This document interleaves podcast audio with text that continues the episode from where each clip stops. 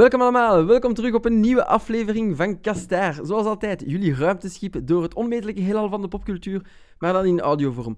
Vandaag is het eigenlijk een speciale aflevering, het is het eind van het jaar, dus zoals elke eh, goede eh, geeky website moet doen, gaan wij lijstjes opstellen en gaan we even terugblikken op eh, het gezegende jaar 2019. Enfin, gezegend, ik zeg dat nu al, maar ik weet niet wat dat er allemaal goed was.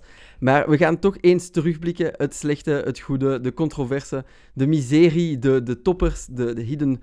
eh, de hidden pareltjes, hidden pearls, wat ben ik nu bezig? Alle goede stuff eh, gaan we overlopen dat we dit jaar hebben mogen zien. En we, dat is een eh, uitgebreide klik deze keer, met andere geeksternauts dan gewoonlijk en ook vaste gezichten.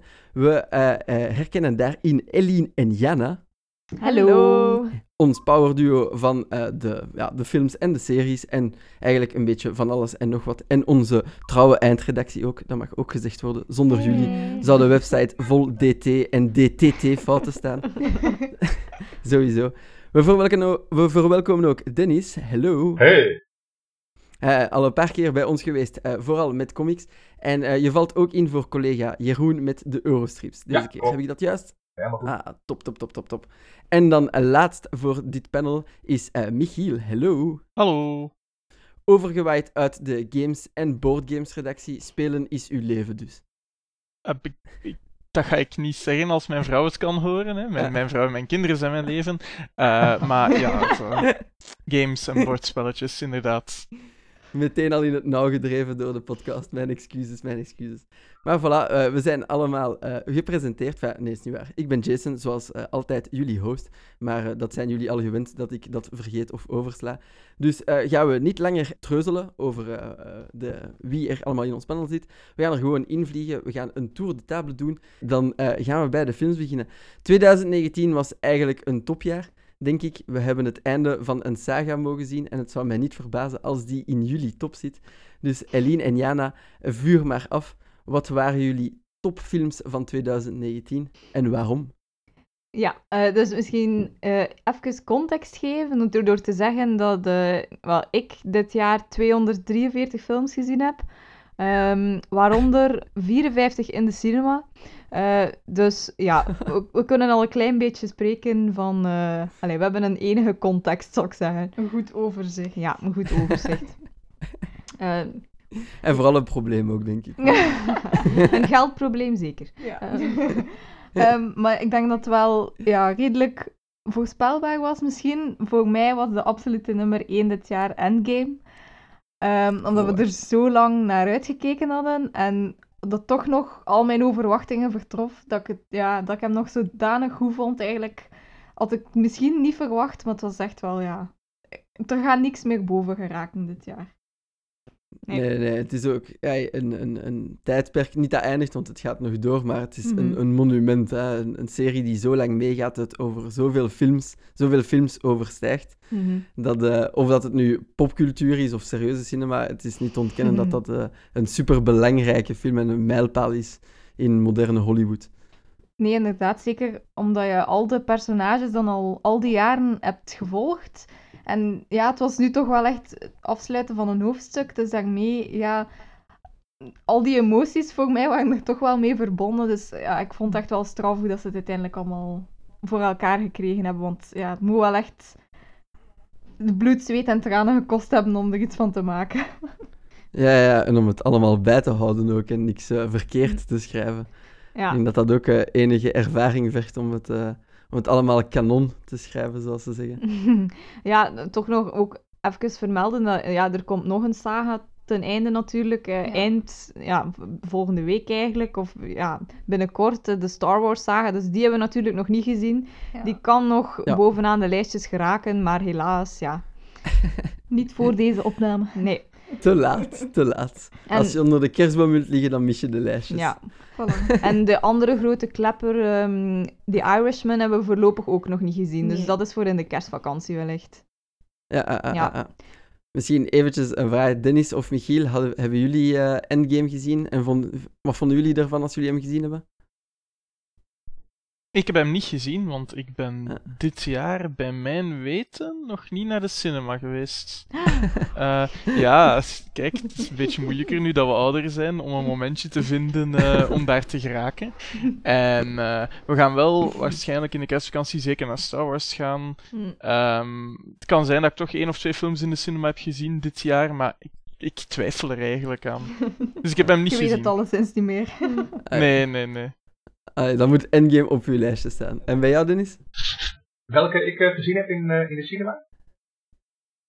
En, nee, niet in de cinema, of dat je Endgame gezien hebt. Ja, ja, ja. Nee, maar ik was ook bij de vorige podcast Ja. daar ook bij, hè. Dus Ja. ik heb, eh, ik heb Ah, ja, ja. Endgame inderdaad gezien in de bios. Ja, ja. Yes, yes, yes, yes, yes. Mijn geheugen leidt mij in de steek.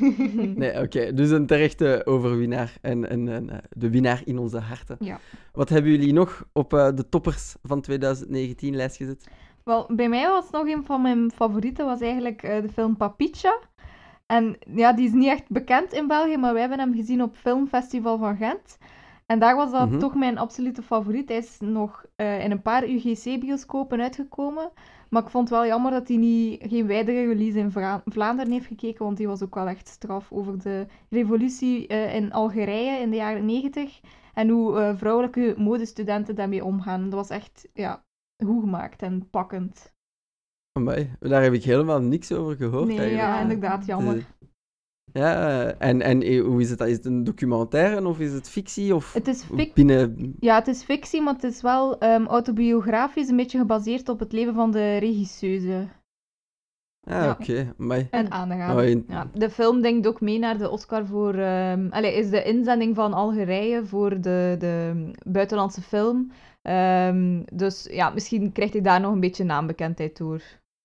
Mm, Ja. amai, klinkt als een eh, allee, krachtige film. Ja, echt wel. En ja, ja, een interessant standpunt ook om een oorlog, om, Mhm. om een oorlog vanuit te bekijken. Lijkt mij, Ja. lijkt mij sterke cinema, Ja, nee, moet inderdaad. ik zien.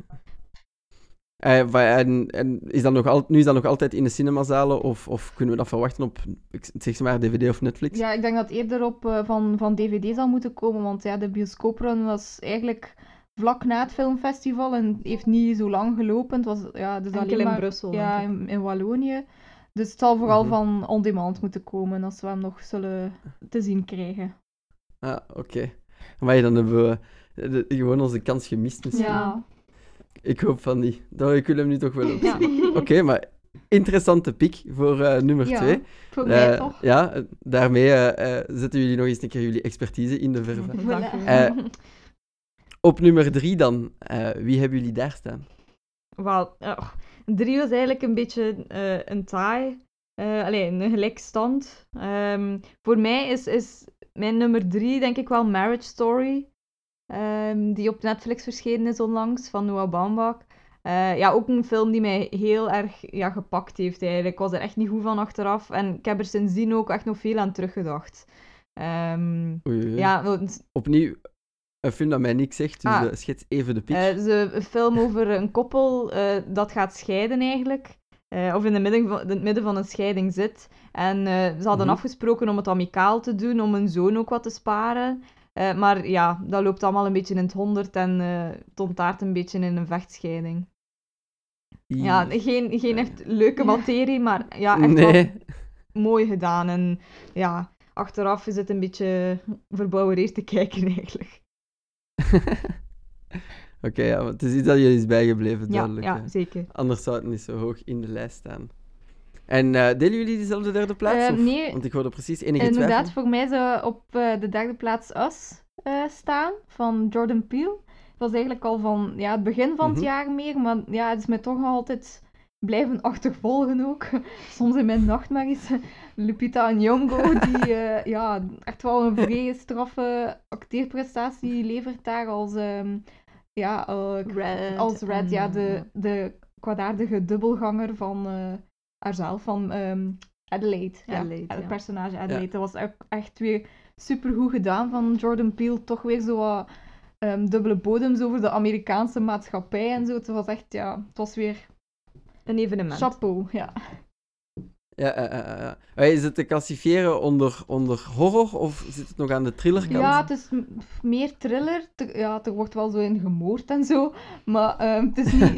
Ja, maar ja, het is niet een zo beetje echt... moord. Ja, het is verontrustend, maar het is Ja. niet echt... Ja...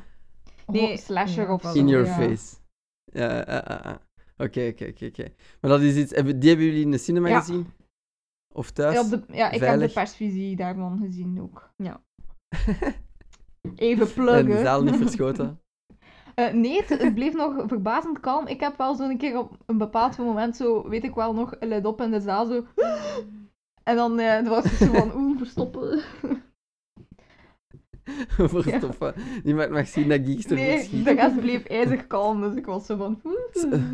Eh, sorry, perswereld, als eh, Geekster emotie vertoont. Ja, dat, dat we, valt zijn het, we, zijn, we zijn het nog Nee. niet gewoon, blijkbaar.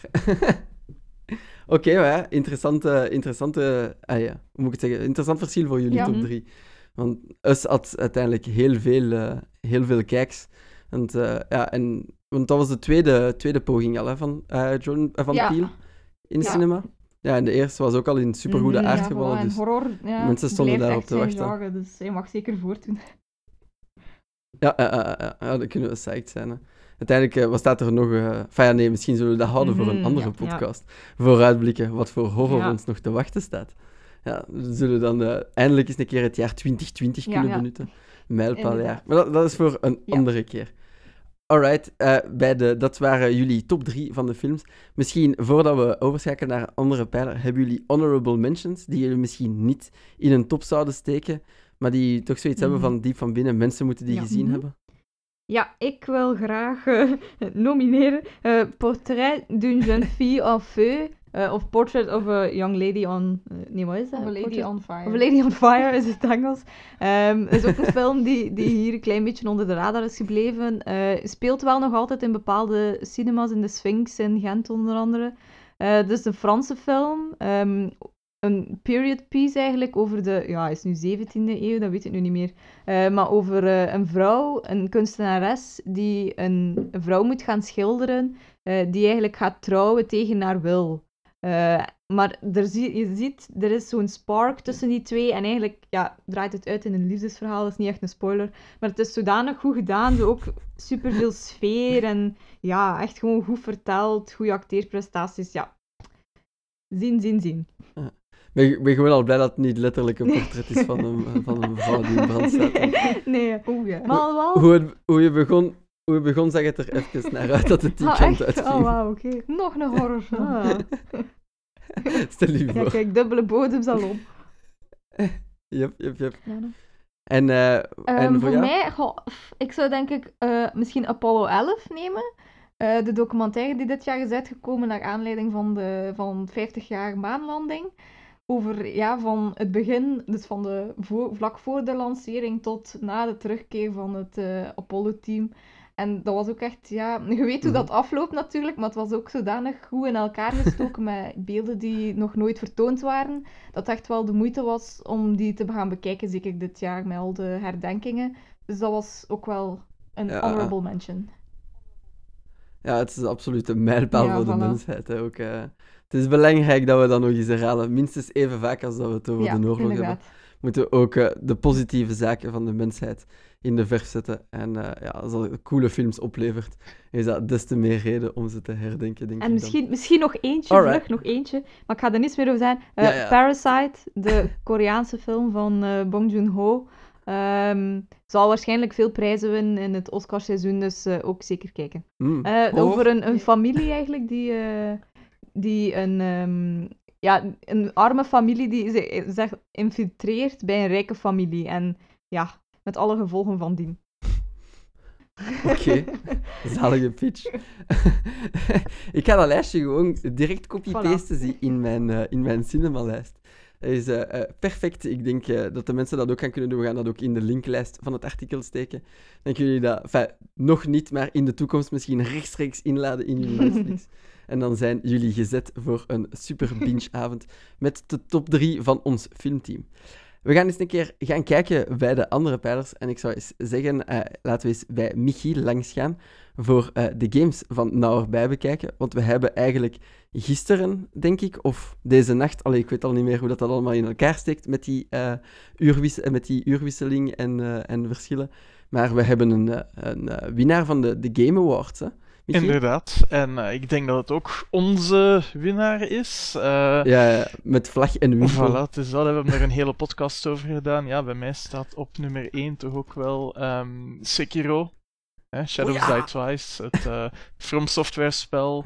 ehm, dat zich afspeelt in de Sengoku-periode in eh, Japan. Dus een aantal honderd jaar geleden. eh, hoogdagen van de samurai. Eh, en waarbij je als, als ehm, ja, samurai, of eerder als een shinobi eigenlijk, hè, meer ninja, eh, Ja. u een, een bloederige weg moet banen doorheen vele vijanden. ehm, in, in een prachtige wereld en met een ongelooflijk leuk eh, gameplay die de Souls-formule pakt en dan heel, heel, heel veel nadruk op het, eh, het afweren legt. Hè. En dat de beste gameplay. Voilà. En, en Souls was al niet om, om te gaan button mashen op de aanvalsknop, maar nu zeker niet. En het, eh, als je niet gaat button mashen, maar als je gewoon speelt zoals het moet gespeeld worden, dan ehm, zijn vooral de baasgevechten echt een, een dans van aanvallen en afweren en verdedigen en ontwijken en op het zwaard van de vijand gaan staan en uw zwaard in zijn keel duwen. Dus het is, het is, het is echt prachtig. Lekker grafisch. Ja. En daar hoort dan ook natuurlijk het nodige geklang van metaal bij. Voilà. En, En het, eh, een z- zeer terechte winnaar, lijkt Voilà. mij. eh. En ook het van gevloek eh, van de spelers natuurlijk, hè, elke keer als je sterft. Eh, want en de zoute tranen van spelers. in maart of april, toen het uitkwam, hè, heb ik het helemaal gespeeld en New Game Plus en de platinum behaald. Hè, en toen vond ik mijzelf echt wel... Allee, toen had ik het spel helemaal... Ja, toen had ik het onder de knie en dan was het echt een heel mooie dans hè, om te zien ehm, het, het ritme van die gevechten.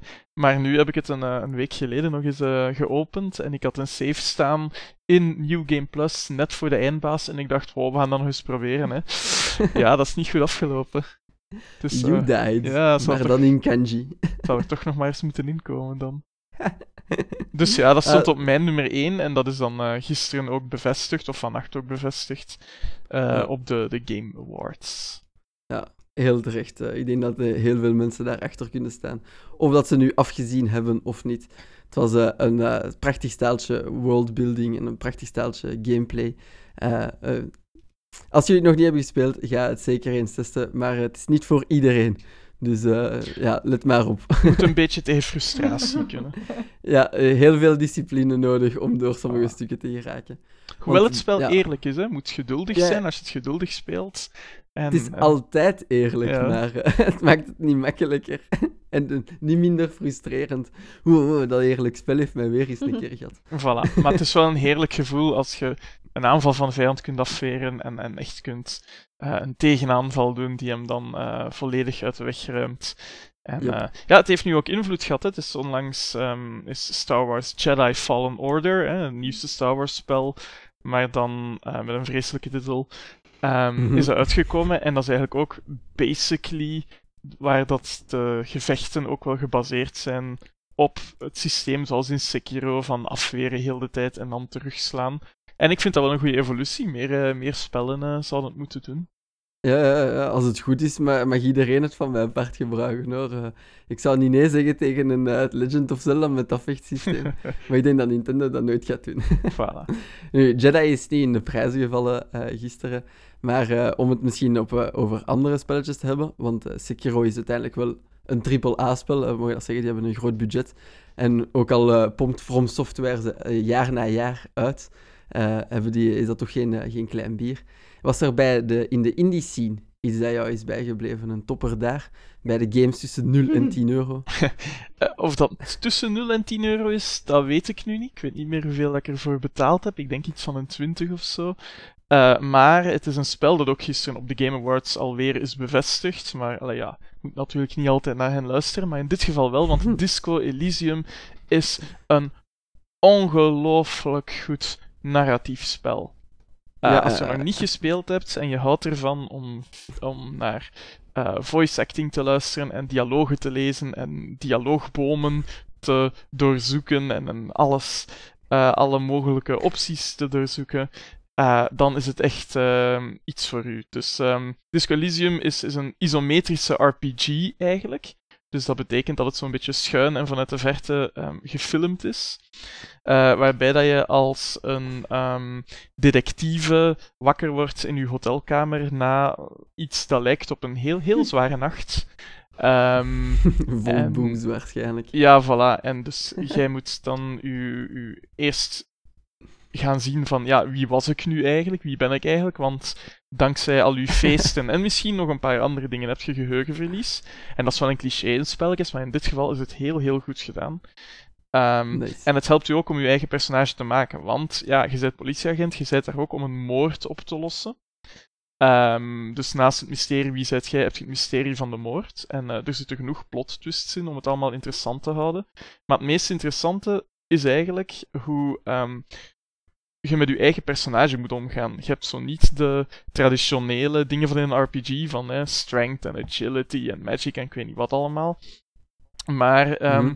je moet eigenlijk al je punten steken in uw eigen vaardigheden. En uw vaardigheden, dat kan gaan van mensen overtuigen tot mensen bedreigen, maar ook bijvoorbeeld, eh, want uw vaardigheden zijn allemaal stemmetjes in uw hoofd. En een van die stemmetjes in uw hoofd is bijvoorbeeld een stemmetje dat u heel tijd probeert aan te sporen om nog meer alcohol of drugs te nemen. Eh, andere Zalig. stemmen in uw hoofd eh, zeggen dat, je, dat het een heel slecht idee is om bepaalde dingen te doen. Of eh, er is een stem in uw hoofd dat heel tijd de mysterieuze, eh, buitennatuurlijke dingen in de wereld wil gaan ehm, onderzoeken. Heb ik, niet op een screenshot, heb ik niet op een screenshot van u gezien op random dat er ook een stemmetje is dat u aanzet tot communisme? Oh ja, want... Oh, dat, dat zeker. Eh, want, ehm, dus... wat dat je ook doet, hè, als je skills, je skilltests slagen, en als ze niet slagen, geeft het niet, want je gaat vooral nog altijd verder, en vaak heel leuk. Maar als je skilltests eh, slagen, dan...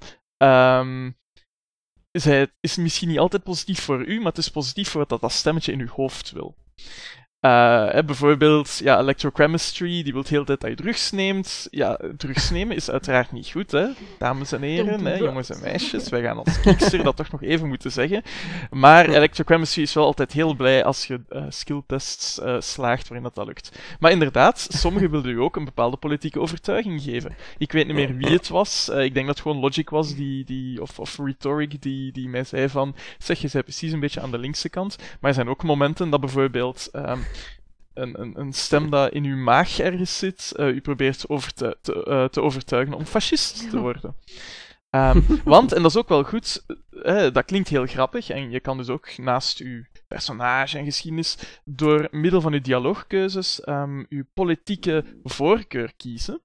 Maar dat betekent dan niet dat die voorkeur er als het beste uitkomt. Ehm, alle, Ja, alle politieke stromingen, communisme, eh, liberalisme, centrisme, fascisme, ah, of de, de grote politieke stromingen, worden ehm, recht doorgehaald en met een heel kritische blik bekeken. Bijvoorbeeld communisme van, ah ja, het is ideaal, maar het is eigenlijk bijna nog nooit heel goed gelukt. Eh, en de meeste echte communisten, zogezegd, zijn dood. Ja, fascisme is heel gemakkelijk. Hè. Eh, centrism Ja. is dan van, ja, maar die mannen die doen niks. Er verandert nooit iets en ze gaan altijd meer naar de rechtse kant toe. Dus het wordt echt Hm. allemaal eh, zeer vakkundig ehm, bekeken en, soms met eh, de grond gelijk gemaakt. Maar het is een prachtig verhaal. Eh, je moet echt proberen. Hè. Daarnaast heb je een, een, gewoon een goed plot met goede personages. Heel goed geschreven ook. Ehm, met voice acting die soms een beetje raar is, maar soms ook wel heel, heel pakkend kan zijn. Hè? Want het is heel vaak grappig wat die stemmen in je hoofd u laten doen. Maar er zijn toch ook wel een paar heel emotionele momenten in. Ehm, en het ziet er ook uit alsof het eh, een, een, een soort waterschilderij is heel de tijd. Het heeft heel, heel mooie art. Dus ik kan het eh, zeker, zeker aanraden. Het is een bijzonder goed spel en het verdient ook zeker eh, het feit dat het gisteren de meeste awards heeft gewonnen. Ook al is het maar een indie-spel. Hè. Maar ehm, Ja, ja, dat wil niks zeggen over kwaliteit natuurlijk. Ja, is alleen maar als, als andere RPG's nu gaan zeggen, ja, uw keuzes maken uit voor het verhaal, dan is het, het eh, gevaar er nu dat we altijd gaan vergelijken met Disco Elysium en zeggen van, "Mm, ja, oké, er komt één extra zinnetje in, maar dat is het. In Disco Elysium is er nu toch eh, eh, met veel meer Ja. effect op het verhaal wat er allemaal gebeurt. Ah, ah, ah. Maar een mijlpaal alweer in dat genre. Het is voor de beste, voor alles wat er daarna gaat komen. Voilà. Misschien als we nog eventjes in Gameland blijven. Game Award eh, waardig of niet. Geekster Award waardig of niet. Dead Stranding. hè, de, de, de, de David Lynchiaanse werk van deze pijler. Wel, nu gaat het komen, maar ik heb het nog niet gespeeld. Ik wil het doen, maar ehm, ja, ik heb het dankzij boardgames ook met Essen heel druk gehad. En eh, ik Mhm. had toevallig eerst Star Wars Jedi staan als mijn spel voor november, omdat dat net iets vroeger uitkwam. Ehm, in plaats van Dead Stranding. Het staat op mijn lijstje. Ik ga het waarschijnlijk de komende maanden, als het een beetje rustiger is, eh, spelen. En, en mijn vrouw haar wenkbrauwen laten optrekken bij de gekke, gekke, gekke plot twist die Kojima ongetwijfeld op ons gaat afsturen.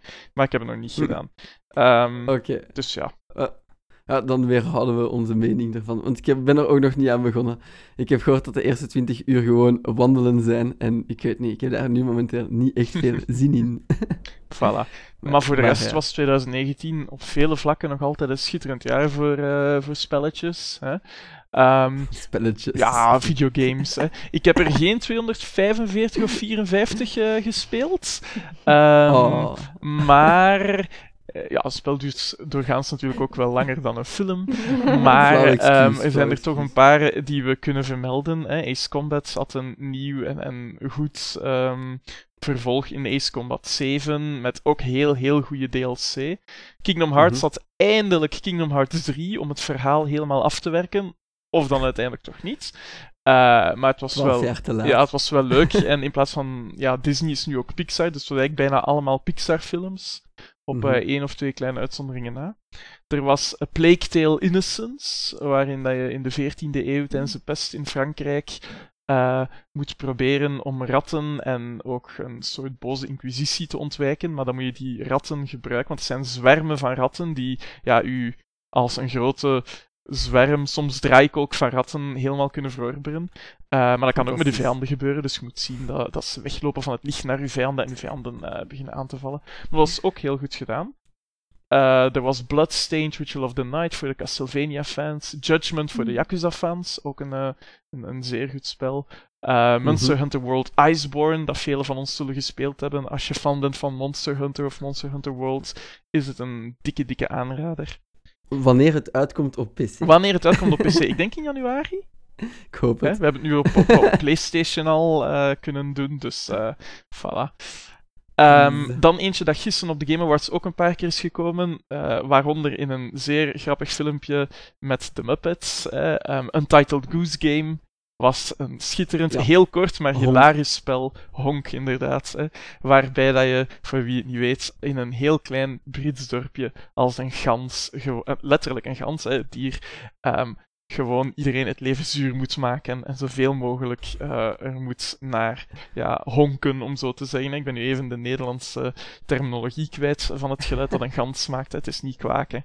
Maar ehm, het, het is hilarisch. Het is kort, het is maar een paar uurtjes, maar het is wel ongelooflijk leuk. Het komt nu ook op PlayStation en Xbox, denk ik, binnenkort. Dus dat is leuk. Eh, we zijn er bijna, dan hadden we nog die Outer Worlds, hè, gemaakt door de makers van Fallout New Vegas. Ehm, wat dat eigenlijk is wat dat Fallout 4 of Fallout 67 had moeten zijn. Eh, Yes. Het is niet perfect, maar het was wel heel leuk. En de mensen die zeggen van, ja, maar het is toch niet duidelijk welke politieke voorkeur erin zit, die hebben het niet goed gespeeld, want het is een heel duidelijke eh, oproep tegen het kapitalisme, hè, om het kapitalisme neer te werpen. Ehm, voor de Yakuza-fans was er Judgment, maar ook Yakuza 3, 4, 5 Remastered. Eh, en dan uiteraard ook nog Star Wars Jedi Fallen Order, eh, wat ik ook kan aanraden voor de Star Wars fans. Het is eindelijk nog eens, hè, zelfs als het misschien niet helemaal uw ding is, Star Wars fans, het is eindelijk nog eens een singleplayer spel uitgegeven door EA, volledig singleplayer Star Wars, zonder microtransactions. Dus geniet ervan hè, dat dat opeens terug kan na het debakkelen met Battlefront 2. Het is een heel leuk spel, eh, leuk verhaal, redelijk goede combat, een beetje te veel backtracking als je alles wil doen. De collectibles eh, is iets te veel van, oh, welke kleur poncho ga ik aandoen? Of welk heel klein onderdeeltje van mijn lightsaber dat gewoon er anders uitziet, ga ik nu veranderen? En, en iets te weinig van, ah ja, dit onderdeel geeft mijn lightsaber eerder in afweren eh, een, een, een iets betere mogelijkheid dan, dan in, in aanvallen. Dat is er niet. Het is meer ehm, allemaal ehm, esthetische Esthetisch. eh, Ja. collectibles, maar wat. Het heeft ook eh, ongelooflijk goede Star Wars muziek. Heel goed gebaseerd op die van John Williams. Dus wie houdt van goede Star Wars muziek of goede game muziek, moet dat zeker doen.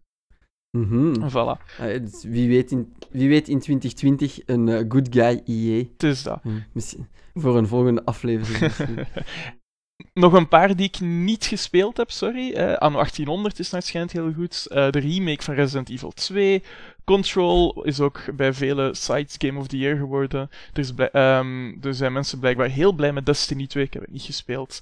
Eh, Nintendo eh, heb ik niet, maar Oké. Yves zegt Super Mario Maker 2, Luigi's Mansion 3 en uiteraard Pokémon. Eh, en mogen we ook niet vergeten, ehm, of het nu succesvol zijn, zal, zal zijn of niet, Google Stadia of Stadia is ook gelanceerd. Hè, dus eh, ehm, Ja. de streaming service die nu nog aan een twintigtal spelletjes maar zit. maar die het probeert. Je hebt een hele goede internetconnection nodig blijkbaar. En zelfs dan nog is het niet perfect. Maar het opent alweer mogelijkheden voor mensen die niet gaan investeren in een heel, heel, heel sterke computer. Ja, eh, eh. Allemaal, allemaal heel belangrijke zaken in Gameland. Maar ik denk dat we daarmee ook natuurlijk alles gezegd hebben, want het was een vrij exhaustieve lijst. Voilà, ja. Het zo mag. Het was, het was een heel goed jaar alweer, hè. Het was een heel goed jaar. Ja, het was eigenlijk echt, echt wel een goeie. Maar het is wel goed Maar dat nu in december een beetje kalmer is, want Het is- het is, Het is eigenlijk pas op het einde dat als we terugblikken dat we het pas goed beseffen hoeveel goede games dat we hebben gehad. En Kingdom Hearts 3, ik was hem al bijna vergeten hoe leuk de zomer daardoor geworden was. Voilà. Oké, wat? eh, dan gaan we games eventjes achterlaten en dan gaan we eens een keer het woord geven aan Dennis. Want ik denk dat er in, comic en, in Comicland en in de Eurostrip-wereld ook van alles gebeurd is. Met welke willen jullie beginnen, Dennis? Ehm, eh, laten we maar eens gewoon eh, beginnen met eh, de Europese strip. Dat lijkt me wel een strak plan. Haha, Ehm, welke was daar de topper? Eh, de absolute topper. Ehm, nou ja, dat, ja, laat ik het zo zeggen. Ehm, het is natuurlijk een, eh, een, een, publiek geheim op de geekste burelen dat Jeroen mijn grote voorbeeld is. Een beetje de, de boeddha waar ik mijn creatieve leven naar modelleer. Of nou ja, probeer te modelleren. En ja, toen ik hoorde van, eh, dat hij eigenlijk geen tijd had voor deze podcast, ben ik eh toch voorzichtig naar hem toe gaan en zeg van, joh, wat, wat was jouw topper? En hij zegt, goed dat je dit vraagt, jongen. Onthoud deze naam, zegt hij. Wouter Mannaar. Ik zeg, Wouter Mannaar? Mm. Jasmina en de aardappeleters. Ik zeg, oh, verrek, natuurlijk. Jasmina en de aardappeleters, dat eh, verscheen eigenlijk toen eh 2019 nog in twee weken oud was. En eh, die strip is eigenlijk het eerste solo-project van eh, de tekenaar en ja, ik dacht stripmaker Wouter Mannaar dus. Eh, het is ook het eerste boekje wat hij zelf schrijft. En je raadt het natuurlijk nooit, maar de hoofdrolspeelster is natuurlijk Jasmina. Jasmina is eh, gewoon een eh 12-jarig meisje. En net zoals heel veel 12-jarige meisjes heeft ze niet zoveel zin in school. Zij heeft maar één grote passie en dat is koken. En eh, elke, eh, vrij, eh, elke vrije minuut die ze heeft, eh, gaat er eigenlijk aan op. Alleen eh, Jasmina woont natuurlijk eh, bij haar vader. En haar vader is gewoon ja, een onderbetaalde man die eh, in een lokale, lokaal frietpot werkt. Dus eh, ze moet nog wel creatief te werk gaan om alle dure ingrediënten voor haar, eh, voor, voor haar kook, kun- eh, eh, haar eten bij elkaar te, Ja. te, vissen. En zij eh, heeft eigenlijk eh, een, een, in de buurt zijn een aantal groentetuintjes, eh van die volkstuinen. En zij sluit vriendschap met twee mannen die daar eh, eigenlijk een beetje hun ding aan het doen zijn. Dat zijn Cyril en Marco. En die twee, eh, dat, eh, hè, de ene is eigenlijk een echte, ja, een traditionele tuinder. En die andere is een, eh, ja, een typische hippie, zoals je die nu tegenwoordig heel veel ziet. Alles moet klimaatvriendelijk, geen pesticiden, et cetera. Dus die twee hebben, die twee hebben continu ruzie. En eh, op een dag eh, gaat Jasmina weer naar die tuintjes en dan ziet ze dat ze alle, al die tuintjes die zijn gewoon volledig plat gegooid. Want een dubieuze aardappelboer, die heeft eh, al die tuintjes stiekem opgekocht en gooit het, heeft allemaal plat gegooid om daar zijn genetisch gemanipuleerde aardappels te verbouwen. En die aardappels verwerkt, verwerkt hij eh, in chips. En de mensen die die chips eten, worden er helemaal gek van. Nou ja, Jasmina, die eet natuurlijk eh, alleen maar eh, natuurlijke ingrediënten, dus die misschien van die chips hebben. Maar die ziet langzamerhand hoe die hele stad, hoe mensen eigenlijk ten prooi vallen aan de chipsgekten. Dus hij, zij gaat samen, gaat zij met die Cyril en Marco, die twee tuinders, gaan ze op onderzoek uit van wat is die aardappelboer nu aan het doen. En sterker nog, wat heeft Jasmina's mysterieuze bovenbuurvrouw er allemaal mee te maken? Plot twist. Plot twist. Oelala. Ehm, nou ja, en waarom vindt eh, eh, Jeroen het een geweldig verhaal? Nou, dat is eigenlijk eh, heel simpel.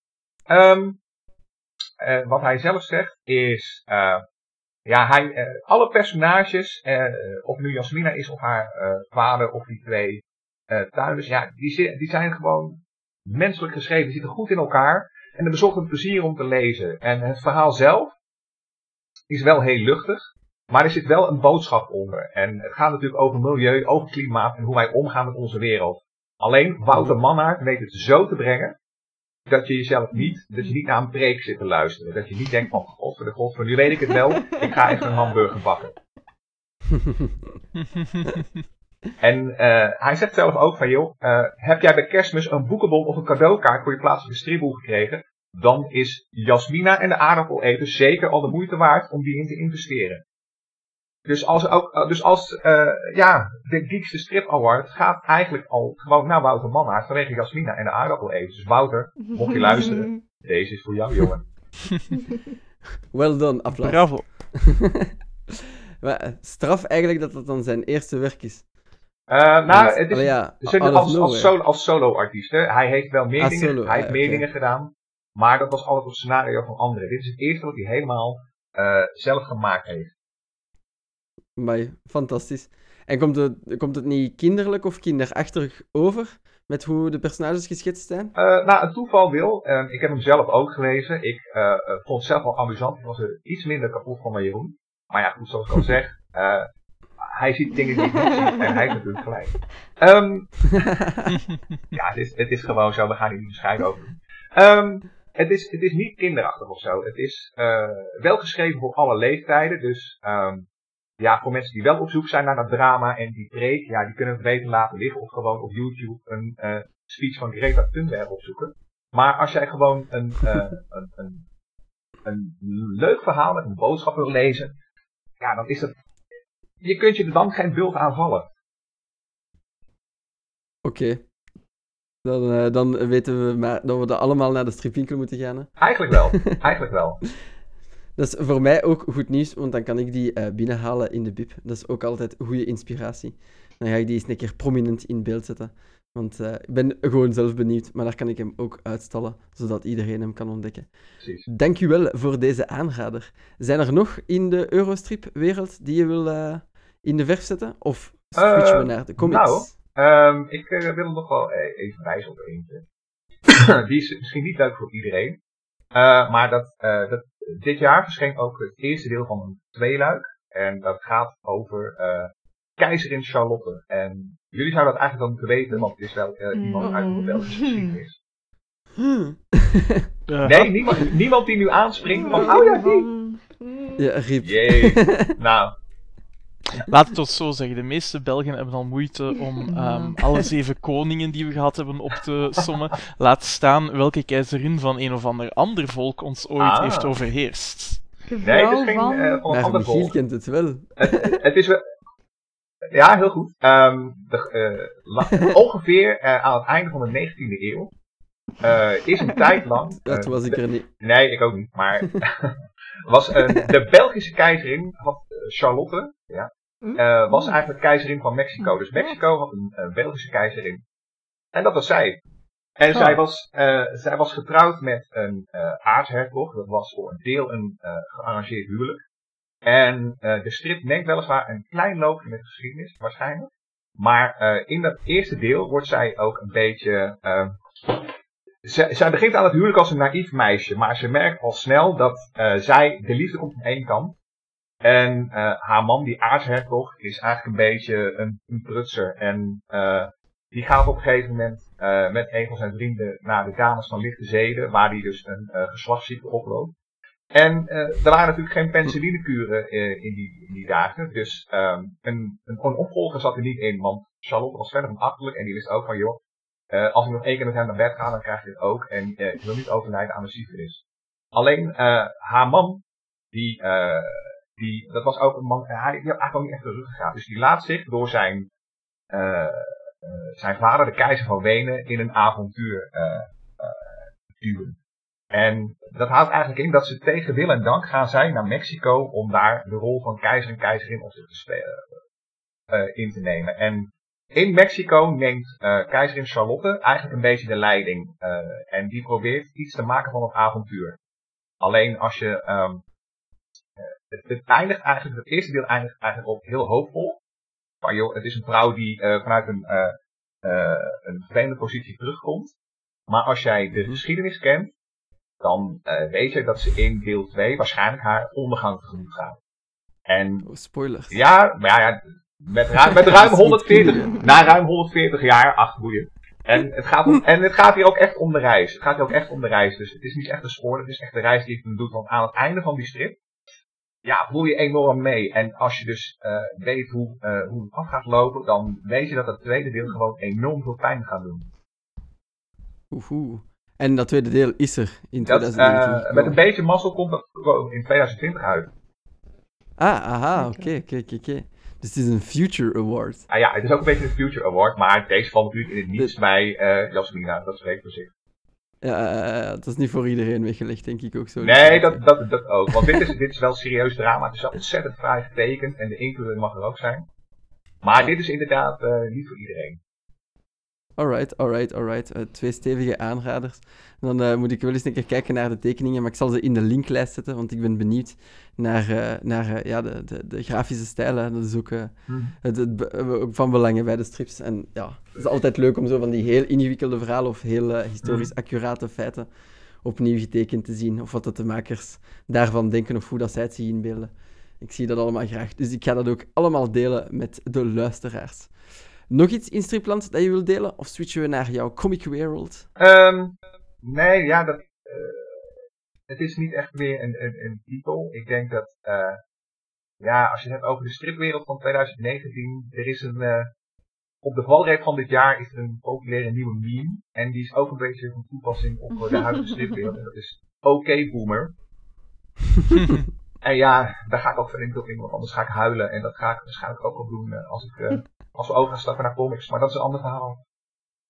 Oh, we kunnen kiezen, hè? ofwel switchen we nu direct we, naar we, gaan, we gaan switchen. Gaan we switchen? We gaan switchen. Oké, okay, trek die, pleister eraf. Oké, dan, uh, dan, passeren we, dan schakelen we over naar, uh, naar Comicland. Vertel eens, wa, wa, wat, waar doet het pijn, Dennis? Uh, nou, de, de comics van 2019, uh, we hebben natuurlijk eerder dit jaar, rond mei, juni, hebben we alles een podcast opgenomen over de beste titels van 2019 tot nu toe. Um, op dit moment ben ik met Mattie en de kapitein uh, bezig aan het kijken of we nog een nieuwe lijst van kunnen maken. Ik heb er een beetje een hard hoofd in. Um, maar veel van de titels die wij in die podcast hebben opgenoemd, die, die staan er ook nog steeds in. Dus um, wij natuurlijk okay. waar we het over gehad hebben, maar ook een favoriet van Mattie. en die heet Laura Dean Keeps Breaking Up With Me. Oké. Okay. De kapitein zelf was ook heel erg uh, te spreken over bijvoorbeeld Mr. Miracle, waar we het ook over gehad hebben. Dus die staat ook nog steeds in. Mm -hmm. um, maar als het dan, ja, en nu ik het toch ben, ik maak gelijk misbruik van de situatie. Uh, als we het dan toch hebben over comics in 2019, dan ja, dan gaan we het ook weer even quasi populair beginnen. Wat is je beste comic van 2019 en waarom is het Rusty Brown? Nou ja. Rusty... Waarom is het Rusty Brown? Waarom is het Rusty Brown? Nou, leuk dat je dat vraagt, Jason. Ik ga een poging doen om, ga een poging doen om het uit te leggen. Komt-ie. Um, Rusty Brown komt uh, uit het koken van Chris Ware. En dat is eigenlijk een, een verzameling van verhalen waar hij 18 jaar aan heeft gewerkt.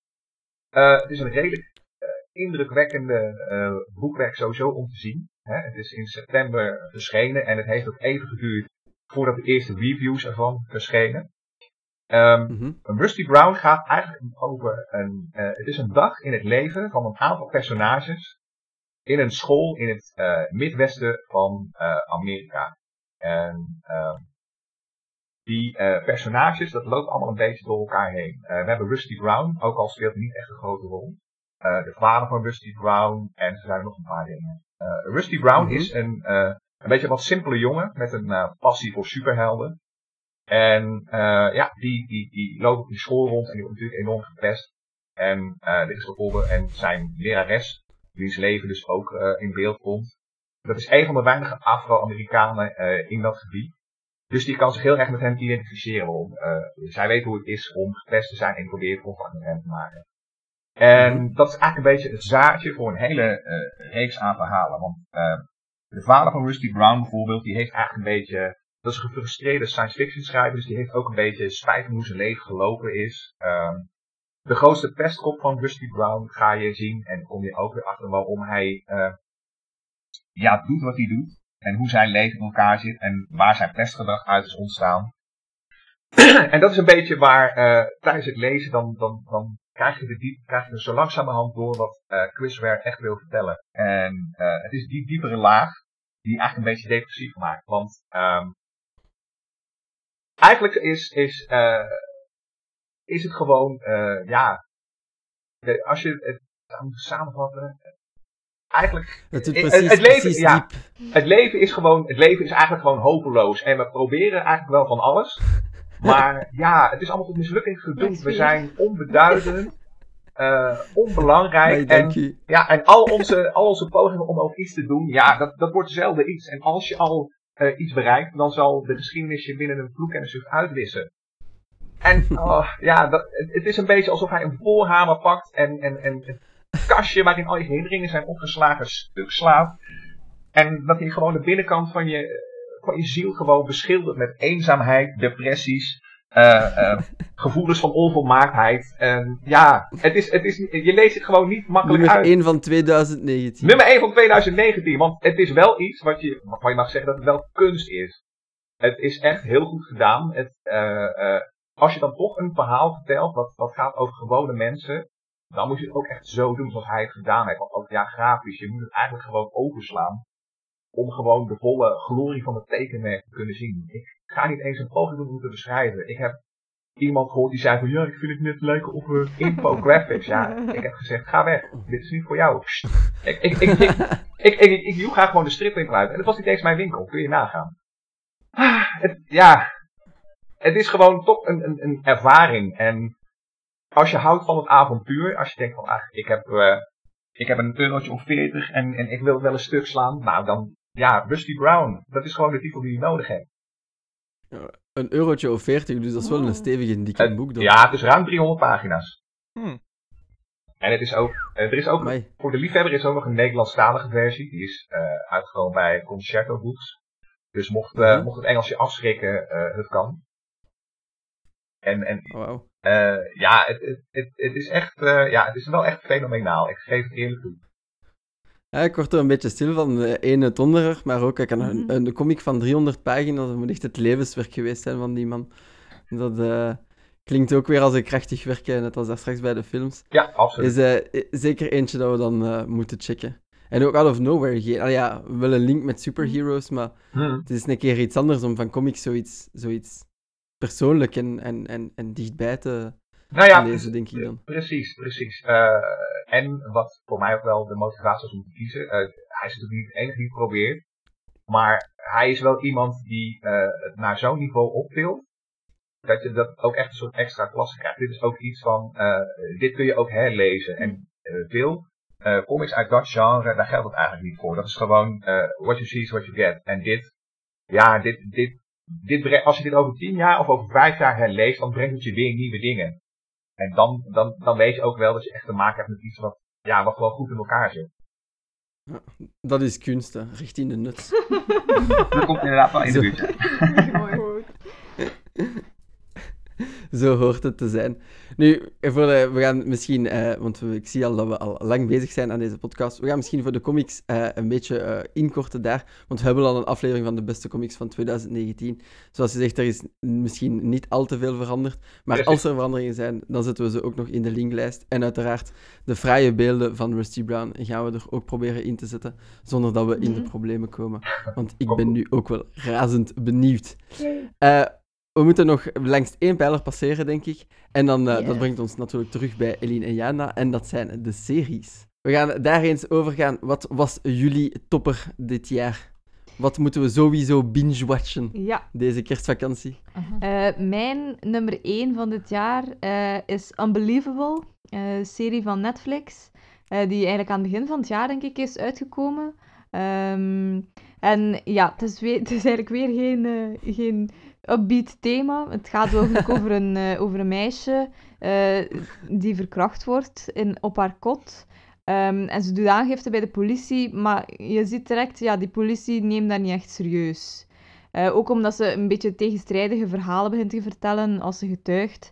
Ehm, en eigenlijk, ja, later zien we eigenlijk dat ze mm, compleet onderuit gehaald wordt en dat ze zelfs veroordeeld wordt voor liegen.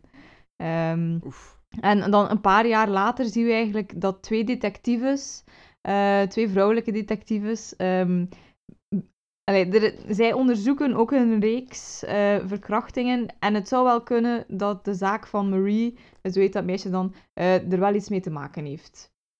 Mhm. Ja. Het, een cold case dan, ik weet niet hoeveel jaar na, Ehm, na de Ja, gebeurtenis. niet zoveel jaren later, maar toch genoeg dat Marie het eigenlijk al een beetje een plaats had gegeven. Hoeveel dat kan eigenlijk. En dan ja, haar wereld wordt wel weer een beetje overhoop gehaald.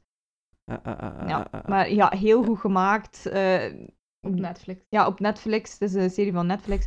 Ehm, ook gebaseerd, Altijd een pro. ja, gebaseerd op een waar gebeurd verhaal ook. Ehm, dus ja, de acteerprestaties zijn top. Eh, eigenlijk, het was ook echt een spannende reeks. Terwijl dat je eigenlijk wel ergens een, een idee hebt van waar dat naartoe zal gaan. En ja, zeker als je, als je weet dat het gebaseerd is op een waar gebeurd verhaal.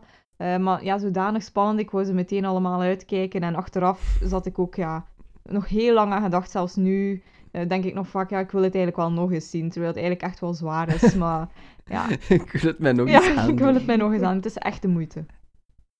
Amai, amai, amai. Ja, als, het dan, als, het dan, als je het zo eh neig opnieuw wilt zien, ondanks het thema, Mhm. dan moet het wel echt eh, super, super, super goed geweest zijn. Korte serie, lange serie? Gewoon om te weten, Ehm, is het een week Acht of- afleveringen van ongeveer ja, 40 tot 45 minuten. Oké, oké, oké, oké. Dus eh, zeker gaan dan. Ja. Van, eh, is dat een Engelstalige serie eigenlijk? Of is Ja. het zo van die Zweedse crimi? Nee, het is eh? Amerikaans, ja. Amerikaans. Oké, oké, oké. Top, top, top, top, top. Switchen, wat staat er nog op de lijst? Ehm, mijn nummer 1, dus eh, van ja, even te verduidelijken, ja, ehm, eh, eh, was eigenlijk iets Vlaams en dat was De Dag. Ehm, ik vond dat echt dit jaar echt fenomenaal eigenlijk. Ja, het was natuurlijk in eh, 2018 al op Telenet geweest, maar wij hebben op 4 gekeken. En dat was Mhm. echt elke week super spannend. Ik ben ook echt eh, super hard fan van zo niet-lineaire vertelstructuren. En hier was het ook elke aflevering vanuit een ander perspectief. En dan ging je op een bepaald moment terug naar eh, bepaalde scènes, zag je vanuit een ander standpunt, dus kwam je nog meer te weten. En ehm, het ging ja, dus over een, eh, een bankoverval, eigenlijk een gijzeling. Ehm, en de, je krijgt het standpunt te zien van de daders, de mensen in de bank en van de politie. Dus eh, ja, op die manier eh, werd het echt wel goed verteld, eh, het script. En het was ook volledig bedacht door Jonas Schijnaert. En oh, Julie Mailleu. Julie Mailleu, ik vergeet haar naam. Sorry. Oh nee, nu, nu voel ik mij zo slecht. Sorry, Julie. Julie Mailleu. Ja, het was echt... ja. Hopelijk vergeeft het Ja, ons. het was echt fenomenaal gedaan en ook een, ja, een supergoeie cast. Ehm, Sophie de Cler, Jelle de Beulen, Titus de Voogd, ja. eh, bijna half. Vlaanderen zat erin, ja. Maar allee, een Vlaamse serie aan de Ja. top. Allee, in jullie top, Ja. toch? Ja. En eh, het ziet er dan niet goed uit met de besparingen in de cultuursector? Nee, nee. Ah. Of dat we dan Ja. de dag twee Mm, zal niet meer het licht zien misschien? Nee, maar hm, ja, ik hoop dat ze toch nog andere projecten dan zullen kunnen mogen maken. Ja. Eh, want ja, Ja. het was echt wel een geslaagd debuut. Ja, ja. En er mogen er zeker meer zijn van die eh, top Vlaamse Ja, series. voilà. Want uiteindelijk de 12, daar hoor ik ook Mm, alleen ja, maar goede ja. dingen van. Inderdaad, dat is nu nog niet gedaan. Allee, je kunt de laatste afleveringen wel zien op eh, VRT nu al, maar wij volgen gewoon lineair mee. Dus het is nog niet afgelopen. Ehm, dus ja, we kunnen nog niet zeggen of dat op, op onze top eh, zal staan of niet. Ja. Eh, Ja. Lineair meekijken. Ja, wow, we zijn zo cool. Eh, nu dat we toch over Vlaamse series bezig zijn, ik ga al meteen... eh, mijn staat net niet in mijn top 3, maar een honorable mention is ook een Vlaamse serie, Studio Tarara, van de VTM. Ehm, eigenlijk over de begindagen van VTM in ja, eind jaren 80, begin jaren 90. Ehm, over een, ja, een, een sketchacteur die eigenlijk ja, een beetje in, in de dieperik belandt. Maar daar rond, eh, op de redactie, gebeurt er ook van alles. Het gaat over machtsmisbruik, over eh, verslaving, over jezelf graag zien. Eigenlijk over van alles en nog wat. Ja. Sterk gedaan ook ehm, van de mannen van, eh, ja, van Shelter, Jan van, ehm, Tim van Haalst. Ehm, dus je verwacht eigenlijk dat het allemaal grappen en grollen gingen zijn. Maar ja, het was... Er zat veel diepgang in en ja, echt aangenaam, zeer aangenaam verrast. Die kan je nog herbekijken Ja. op vtm.be. VTM heeft krijgen Ah, toch wel VTM een- Go, juist, ja. We krijgen er wel een beter gevoel van dan Unbelievable. Ja, Dus dat is soms. Toch, toch, oei. Zitten er, zitten er dan wel happy, happy feels series in Eigenlijk jullie niet, top? als ik dat nu zie. Want mijn Nee, nummer ja. twee was Years and Years van eh, BBC en HBO. En dat is eigenlijk ehm, over Engeland, een, een gemiddelde Engelse familie, een beetje in de toekomst. Allee, het Hm. begint dicht in de nabije toekomst, maar het gaat dan altijd verder en verder. En dat is eigenlijk hoe dat de wereld er vandaag binnen tien jaar dan zou kunnen uitzien en hoe dat allee, eigenlijk vooral de slechte kant op gaat. Mhm. It ain't good. Nee, maar het is Black Mirror. Ja, een beetje het was wel. ook echt zodanig goed gemaakt en ja, goed geschreven. Dat bijvoorbeeld de vluchtelingencrisis kwam Oh, aan ja. bod. Oh, En dat was echt een van de sterkste aspecten van het verhaal. Was echt oh, ja. super goed gedaan, maar dan werd ze echt eens met de neus op de feiten gedrukt. Dus dat vond ik wel echt goed. Politiek komt aan bod. ook Cultuur ehm, technologie, hoe dat, dat allemaal Ja. gaat, kan evolueren. Eh, dus echt wel ja, een aanrader. Ik denk zes of acht afleveringen, ik weet het nu niet zeker Zes, meer. denk ik, zes. Ehm, ja, ook echt een aanrader. Chapeau. Ja, Maar daarvoor moeten we HBO natuurlijk nee, nemen. het was... Het Het was, was, ja, het is op de was- BBC ook geweest. ehm, maar ik weet niet, Ah, ik weet niet of dat... Ja, het was HBO, denk ik, maar ik ben het niet meer zeker. Maar we zullen het Was- in de lijst. Er zal wel BBC Go zijn. We vinden Voilà. wel een oplossing. Ja, Nee, nog iets, dat, want ik zie ook op jullie lijst ook nog van HBO eh Ja. Chernobyl. Daar worden jullie ook heel blij Ja, van. wel, precies. dat was eigenlijk... Maar het was een deprimerend jaar, Jason.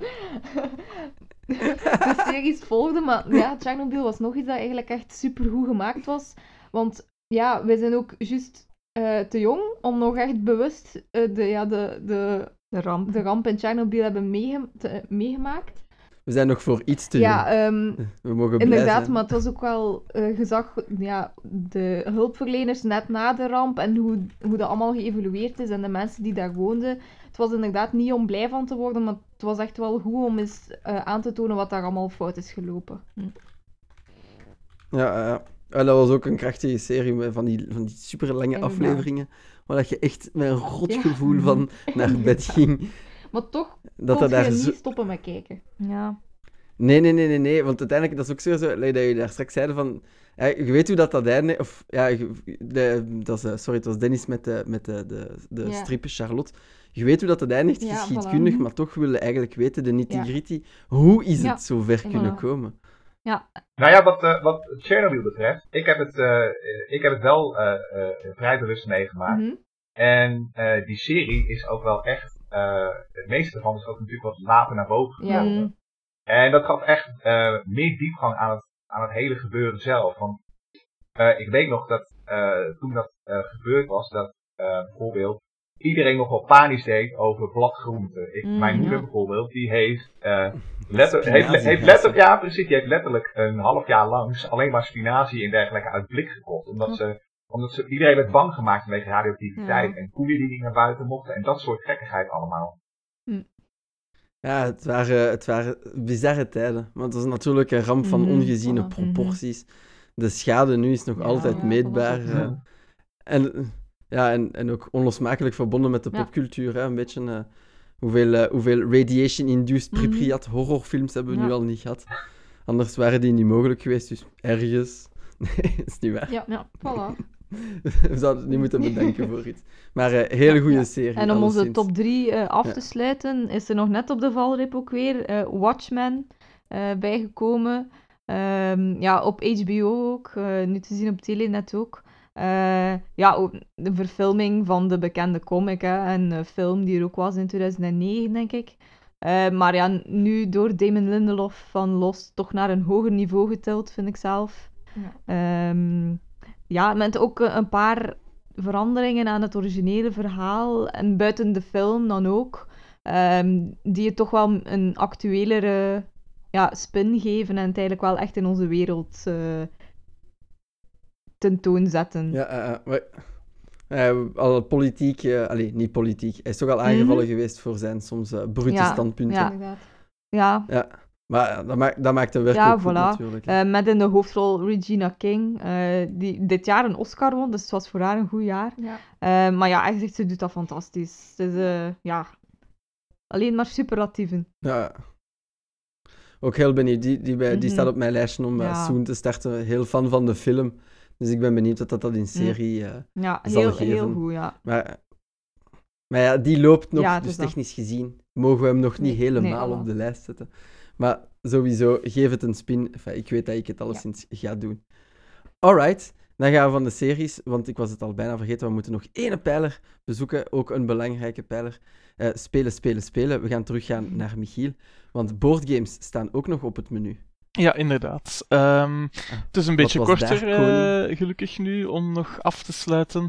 Eh, wat is daar koning? Wel, voor mij, en dat is een, echt een persoonlijke keuze, gewoon omdat ik blij ben dat er eindelijk is, ehm, ben ik blij dat de Dark Souls, de boardgame Kickstarter, eindelijk alle beloofde dozen stretch goals heeft afgeleverd. Ehm, voor de niet-ingewijden, hè, Dark Souls is uiteraard zeer eh, geliefd en populair videospel, al was het maar bij ons op de Geekster-redactie. Dus moest er ook een, ehm, een bordspel van komen, ehm, gemaakt door Grinding Gear Games. Eh, het bordspel Yes. zelf is zeker niet slecht. Het is een beetje grindy en, en er zitten een paar elementen in die, die met house rules beter zijn. Maar je koopt het ook vooral omdat er heel veel leuke miniaturen in zitten, gaande van de personages tot uiteraard de bazen. En heb je ongelooflijk mooie miniatuurtjes daarvan. Ehm, Yep. Maar zoals zoveel Kickstarters nu, ehm, toen die campagne bezig was, en als ik zeg toen, dan zeg ik een aantal jaar geleden, want ik eh, heb deelgenomen als late eh, deelnemer aan de Kickstarter de dag na de Brexit-stemming. En ik bedoel niet die van gisteren, of die al die, die Theresa May heeft moeten eh, overleven, maar De eerste. de eerste, de, original. originele, inderdaad. Eh, dat was ook, eh, toen was de pond even naar beneden, dus dacht ik, allee ja, het is het moment. Maar in ieder geval, we zijn ondertussen een aantal jaar verder, 2019. Hè. Ze hadden gezegd, ja, eh, de, de basisdoos die krijgt iedereen dan direct, hè, of van als dat klaar is. En dan zijn er stretch goals, hè, want zo werkt een Kickstarter. Hoe meer mensen meedoen, hoe meer ehm, gratis dingen Dingen. er vrijkomen, of vaak gratis, soms gewoon meer opties om iets te kopen. Ehm, maar ze hadden om duur... Ja, het was een ongelooflijk succesvolle Kickstarter. Heel veel geld eh, hebben ze ermee verdiend. Maar dan moesten ze ook heel veel aanbieden. En ze hadden eigenlijk zoveel aangeboden dat ze eh, eigenlijk veel te veel verkocht hebben. En dat hun eh, Chinese partners, waarmee dat ze in, in zaak waren om, ehm, om alles ja, te produceren eigenlijk. Hè. Al die miniaturen komen uit fabrieken in China. Ja, die konden dat eigenlijk helemaal niet aan en dat was niet goed geregeld. En ze waren vergeten dat in China door Chinees nieuwjaar die fabrieken daar twee maanden op een jaar niet werken. Ehm, het was een beetje ook een voorbeeld Dus van hoe een Kickstarter... Ja, en hoe een Kickstarter niet moet. Want het is heel lang zonder communicatie geweest. Op het einde wel gelukkig een beetje beter, maar de communicatie was ook heel vaak vaag. Dus ehm, ja, het originele spel had ik gekregen, vond ik heel leuk. Een aantal keer gespeeld. Hè? Ehm, maar dan kwamen die, die uitbreidingen toe en, en ik heb de ene uitbreiding één keer gespeeld en de andere heb ik nu de doos en ik heb ze gecontroleerd, maar ik moet ze nog spelen. Ook als ik tijd heb, in de kerstvakantie binnenkort natuurlijk. Maar toch, het is al van zoveel jaar geleden. De goesting is misschien al een klein beetje weg. Voor wie het wil, het zijn wel schitterende uitbreidingen natuurlijk, vol nieuwe personages, nieuwe bazen, hè, nieuwe miniaturen en zo. Eh, maar intussen Maar- zijn games zoals Gloomhaven uitgekomen. En hoewel Dark Souls leuk is, kan het niet tippen aan Gloomhaven. Niks kan tippen aan Gloomhaven. Nee. Ehm, dus het is nog altijd een goed spel, maar het is een beetje te veel te laat. Hè? Niet too little too late, maar too much Mhm. too late. Eh, eh, maar dat was mijn persoonlijke hoogtepunt, dat opeens er eh, een grote doos eh, voor de deur stond, of een, of een bestelwagen met een grote doos, eh, en dat ik eindelijk al mijn uitbreidingen slash stretch goals van het bordspel heb. ja, leuk kerstcadeau. Voilà. Voor de rest is er ook eentje dat ik niet zelf heb gedaan, maar dat ik heel geïnteresseerd in ben. Lord of the Rings Journeys in Middle-earth. Dat is ook een co-op spel waar je allemaal een personage kiest. Aragorn, Bilbo, Gimli, Legolas of twee nieuwe personages. En dan moet je die een klas geven. Eh, dat betekent dat bijvoorbeeld Aragorn ook een bard kan worden in plaats van hè, de klassieke Ranger of Warrior. Wat dat ook wel heel leuk is. Of je kunt eh, van Bilbo eh, een grote vechterbaas maken. Barbarian. maar- Voilà. Ehm, en dan moet je meerdere barbarian. avonturen doen in een campagne waarbij je, dat je met je deck moet werken en waarbij dan een app alles controleert. Ehm, Mm. Ik ben zeer geïnteresseerd. Als het een beetje goedkoper wordt, ga ik het waarschijnlijk wel kopen. Maar persoonlijk eh, heb ik ook nog Everdell gespeeld. Een heel, heel mooie, heel sfeervolle ehm, worker placement spel. Waarbij dat je eh, de diertjes in het bos en in de bomen moet eh, zich laten klaarmaken om allemaal eten ehm, klaar te maken voor de winter. Ehm, en ook Pandemic Fall of Rome is nog een, eh, een versie van Pandemic, maar dan gaat het over, zoals de titel zegt, de val van Rome. Dus dat- het is niet dodelijke ziekten, maar het zijn hordes met barbaren.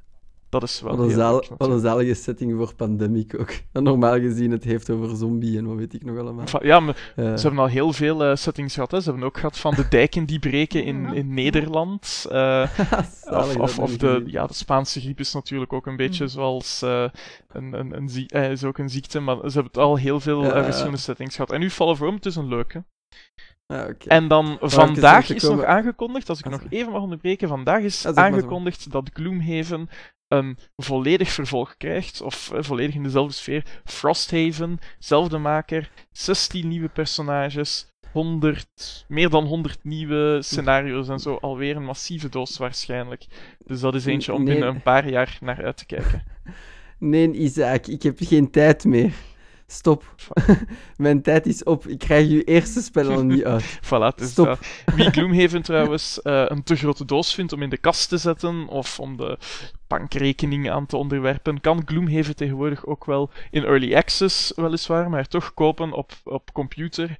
Eh, waar dat je dan uiteindelijk het volledige spel hebt. Dus wie het. Ja. Het is natuurlijk een beetje anders. Het is niet hetzelfde als met uw vrienden rond de tafel zitten. Maar wie het echt wil spelen en geen plaats heeft in de kast of op de bankrekening, kan het ook op computer spelen. En het is zonder tutorials, dus als je de regels wilt kennen, dan eh, kan je ons altijd een eh, berichtje sturen naar, naar ons mailadres. Dan zullen wij ons regelboek inscannen en doorsturen, want ik heb gehoord dat die Early Access dus nul tutorials bevat en Gloomhaven is een klein beetje complex. Voilà. Alright. Eh Everdell, wat ik wou zeggen, dat was dat ik eh, een eh, foto, een grote foto van Everdell ga steken in de linklijst. Want dat spel ziet er drop dead gorgeous uit. Die, die, die, grote boom is echt een fantastische setting Voilà. om, een, om een bordspel... Het is eigenlijk een spel van vorig jaar, maar we hadden dan gevraagd mogen een reviewkopie hebben. En dan hadden ze ons op de lijst gezet voor de editie met meteen de uitbreiding die dit jaar is uitgekomen, Pearlbrook. Dus het is allemaal maar dit jaar eh, aan de deur gekomen. Dus ik vind het nog altijd eh, gerechtvaardigd Dat om er in telt. 2019 over te praten. Allee, ik reken het goed. Het is goed. Alright, dan hebben we, eh, denk ik, dan zijn we over al onze pijlers gegaan. Misschien, ja, van boeken hebben we niemand te pakken gekregen. Maar als er daar nog een, eh, een toplijst uitkomt, dan eh, steek ik die zeker in de linklijst van deze Kastaar-aflevering. Eh, we hebben een verrassingje klaargemaakt. Enfin, Michiel heeft een geniaal idee gehad. En dus eh, gaan we daarmee afsluiten. Want onze aflevering is al lang, maar het is het eind van het jaar, dus het mag een beetje langer zijn.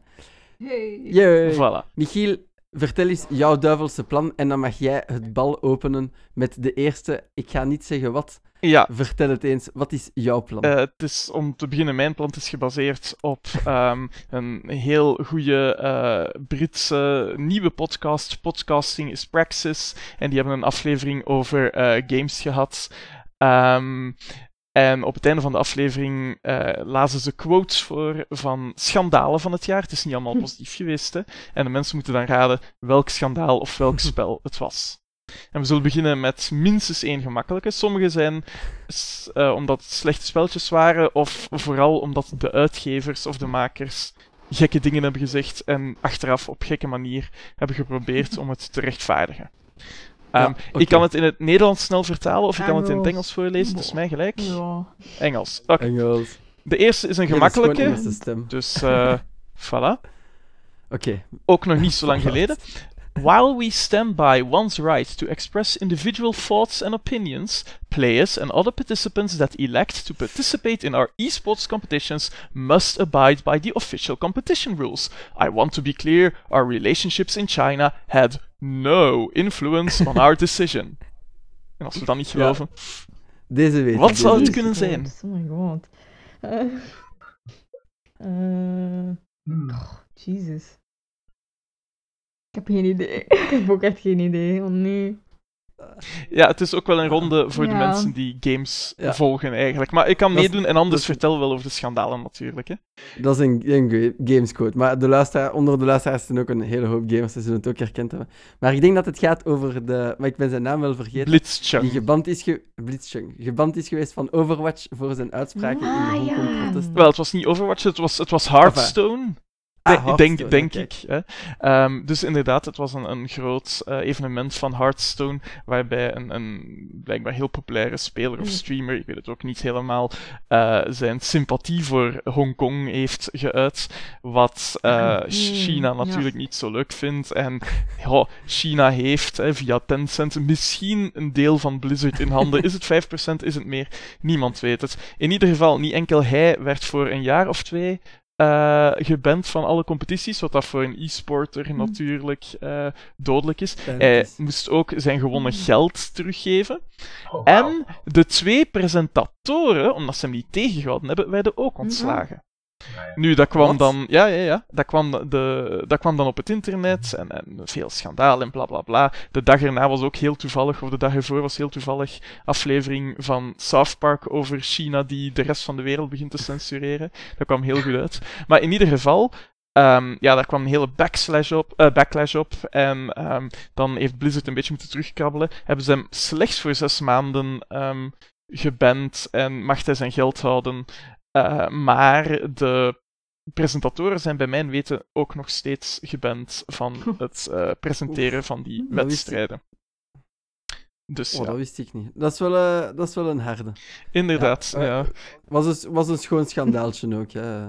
Enfin, Mm. Het is nog altijd bezig in Hongkong, maar eh, dat de Overwatch zo tainted was door China, dat was dan pijnlijk, eh, pijnlijk zichtbaar. Winnie de Pooh was niet blij. Dat was duidelijk. voilà, voilà. Eh, dit wordt later als bewijs tegen u gebruikt. Hè. We moeten Freud, ja. Ja.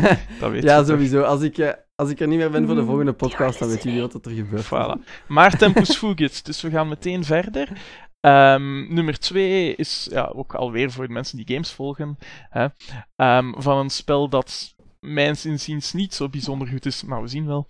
Our initial investigation indicated that this was a display issue and that no items had gone missing. However, we have since found that a small number of players have in fact experienced a loss of scrap items after placing them into the scrap box and then loading into a world. Resolving this issue is currently our top priority. We are also exploring ways to restore the missing items. Hmm, ik denk dat ik het weet, maar niet zeker. Blank. Is, het- is het Fallout 76? Het is inderdaad Fallout 76. Fallout 76 is een online. Fallout die misschien niet zo goed is. Ehm, en waarbij je tegenwoordig kan deelnemen aan het Fallout First programma voor slechts 100 dollar of euro, weet ik niet goed, per jaar kan je eh, premium eh, services krijgen. Waaronder privé-servers die eigenlijk niet helemaal private zijn. Waaronder ehm, gratis dingen en een doos om al uw gratis dingen in bij te houden, hoewel die doos blijkbaar al uw gratis dingen vernietigt. Hè. Ik- Eh, waarom? Ik ga hier voor de clean rating, ik ga hier voor de clean rating van de aflevering eh, ver- verspelen. Maar fuck Oh Fallout God. 76. Echt waar. Voilà. Nou, daar gaan we. Het heeft wel een, een, een, een hilarisch eh, effectje gehad, omdat er nu blijkbaar een klasseoorlog bezig is in het spel, al dan niet om te lachen. Ehm, sommigen zeggen van wel, anderen doen het nogal redelijk serieus. Een klasseoorlog waar de eh, mensen die eh, niet meedoen aan Fallout First en dus bepaalde eh, esthetische dingen of bepaalde wapens niet hebben of bepaalde emotes niet hebben of zo, of gebaartjes niet hebben, dansjes niet hebben, ik weet het niet. Eh, waar die nu aan het jagen zijn op mensen die het wel hebben.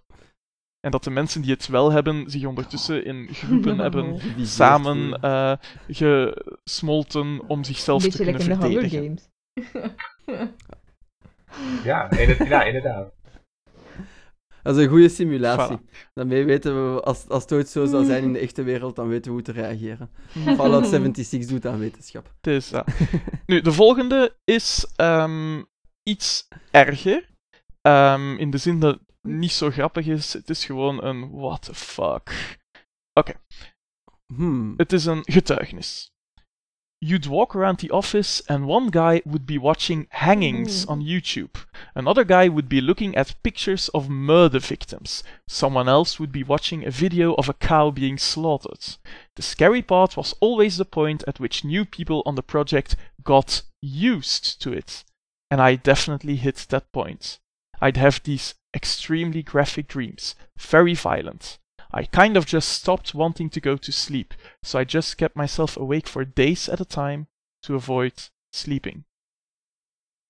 Wow, klinkt like Ho- die factcheckers bij Facebook. Ja. Allee, die... eh, Inderdaad, wel, die- Content raters. Ja. Het gaat niet over content raten, het gaat over research. Ah. Als niemand het weet, het gaat over De, ont- de ontwikkelaars van de buurtpolitie-app.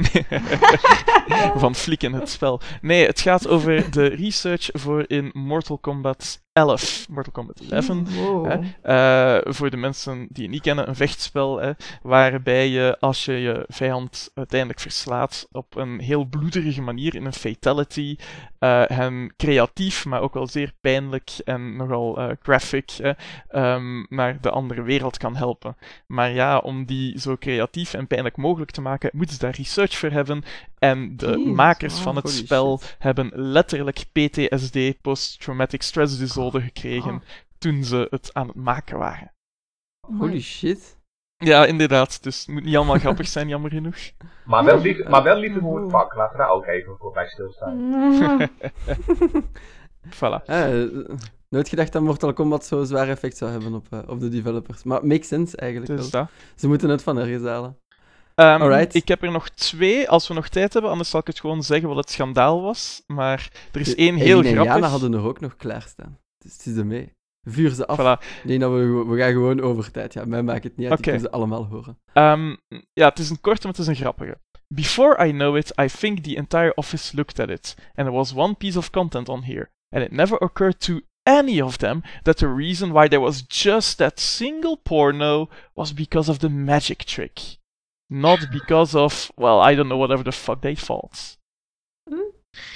Ehm, Wat? Jason, een idee? Er is, er is porno geslopen in een spel. Niet in een Ah. spel, op een USB-stick of een ander ehm, opslagformaat dat in een restaurant was achtergelaten en dat door iemand van het restaurant terug naar, het, eh, naar, naar de office is gestuurd en daar niet direct bij de eigenaar is terechtgekomen, maar bij iedereen in het kantoor. Het gaat over eh, de. CEO van Gearbox, nee gelukkig niet, de CEO van Gearbox, Randy Pitchford, die een, ehm, een ehm, eh, filmpje op een USB-stick ergens had laten liggen. Naast trouwens ook zeer, ehm, zeer gevoelige company data. Ehm, maar kijk, het Hey. filmpje was van, en vergeef mij de uitspraak, squirting porn. Oh. Ehm, ik ga niet uitleggen wat het is. Heel Ik belangrijk. zeggen, google het niet. Eh, ja, het, is niet het is niet vuil natuurlijk, maar... eh, ehm, Waarom zeg je iets niet te doen? Je weet dat mensen dat gaan doen. Yes, that's my evil plan. Eh, maar in ieder geval, de, het, eh, zijn, zijn uitleg was: ah ja, ik deed dat niet eh, omdat het porno was, maar omdat ik dacht dat het een, een, een goocheltruc was en ik ben een goochelaar. Wow. Wat toch wel de beste excuus is ooit. Ja. Ja, Voilà, Raunchy Pitchford. voilà, voilà. voilà. Eh, Alright. dan heb ik nog eentje. Ja, nog twee eigenlijk. Eentje dat oké. vooral de dames onder ons waarschijnlijk heel jammer gaan vinden. Uh-oh. Eh, als ik het uitleg wat het eigenlijk is. Mhm.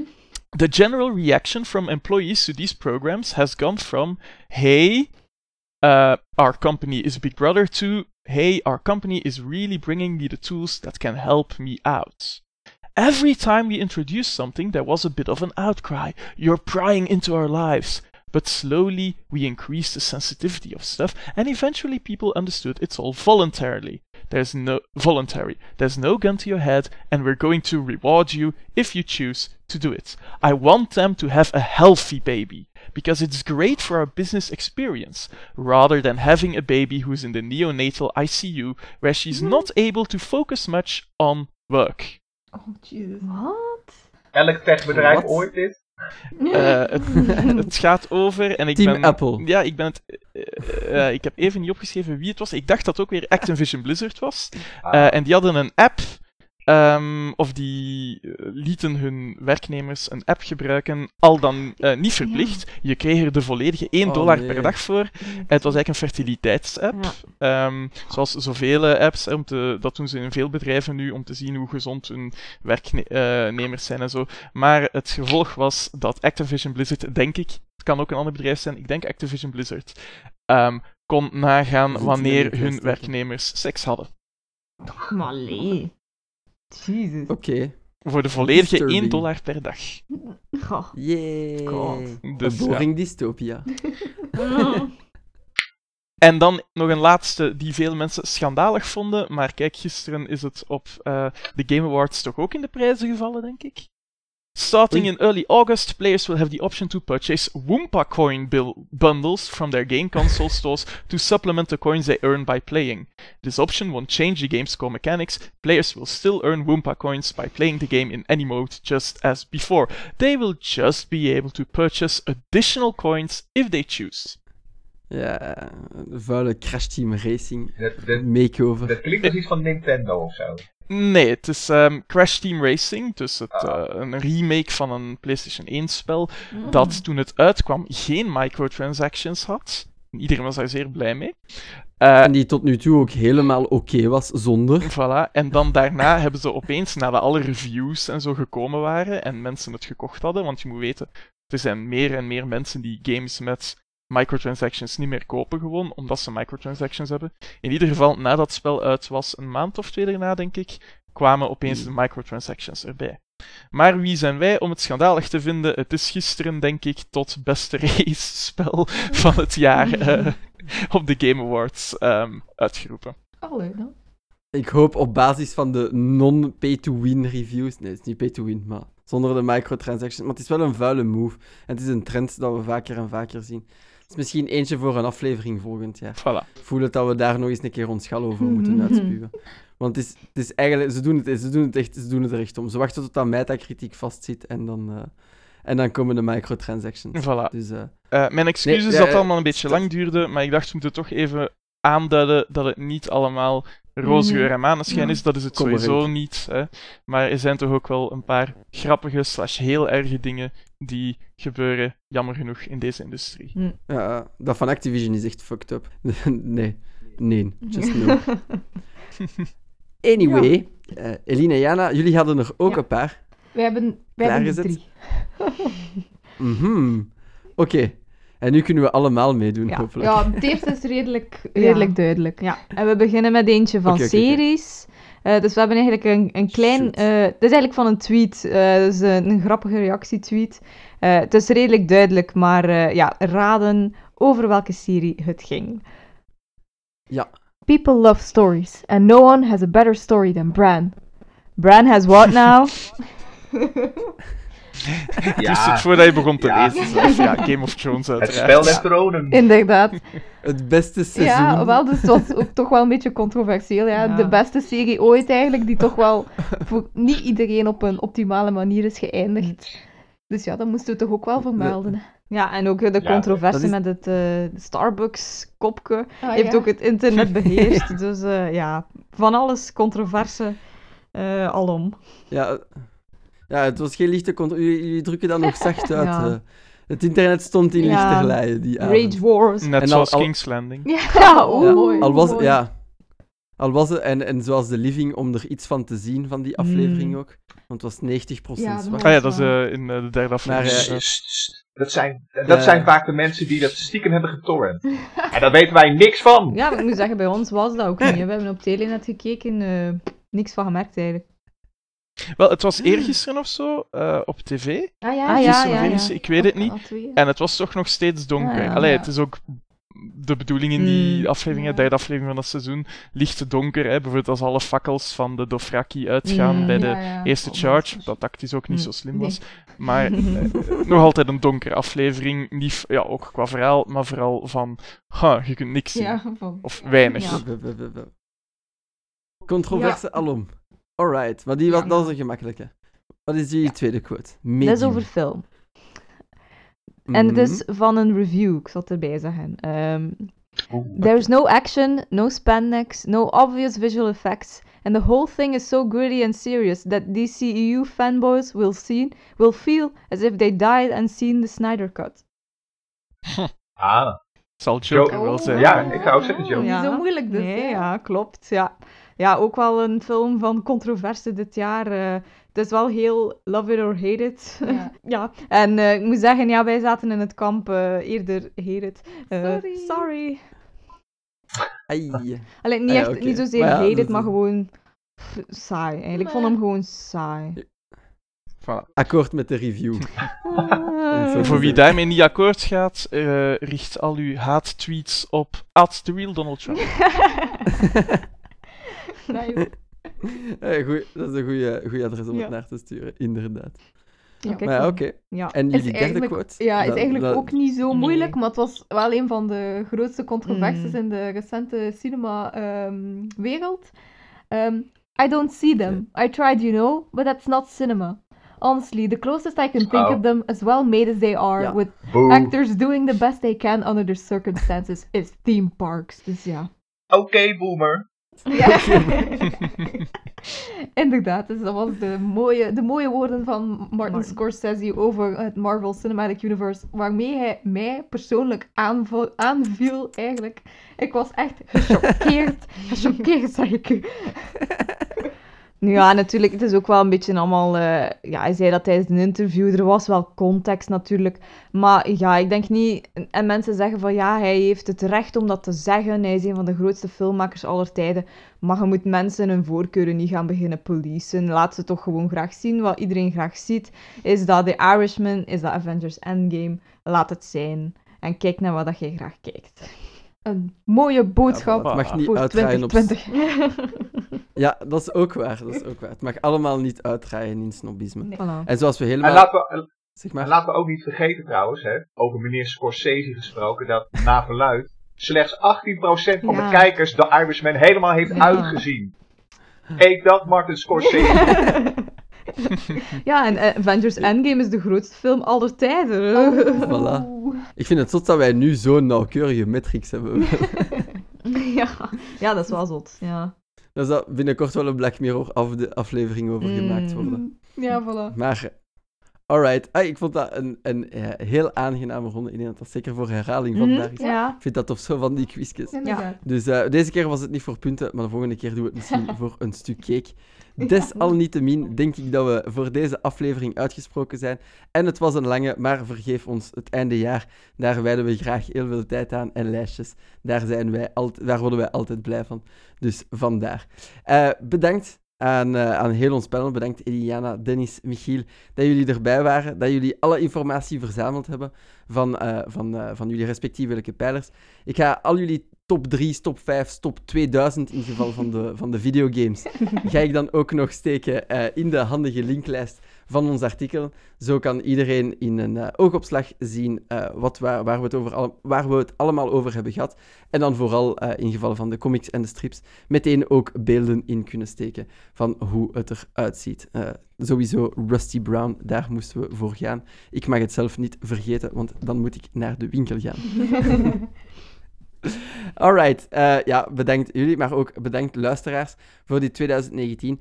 Laat, je, laat ons zeker weten wat jullie vonden van onze eh, toppers. Zijn jullie daarmee akkoord? Of zijn we een paar eh klasse titels, series, films, strips of games eh, volledig vergeten? Allicht. Laat het ons weten in de comments. Eh, ben ik iets vergeten, Edin? Nee, Nee. maar allicht wel, ja.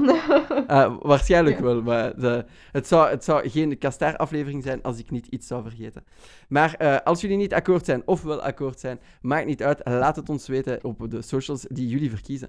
Het kan op onze Facebookpagina, het kan op Twitter, podcastaar_be.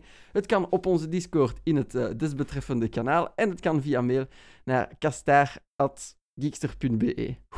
Bijna uitgegleden daar. Uiteraard, eh, p- brieven en postduiven mogen ook nog altijd. Jullie zijn het gewend. En zo kunnen boomers ook nog reageren op deze aflevering. Slow clap. Alright, eh, dikke merci iedereen. En dan eh, tot een volgende keer. Ciao! Bye. Ciao.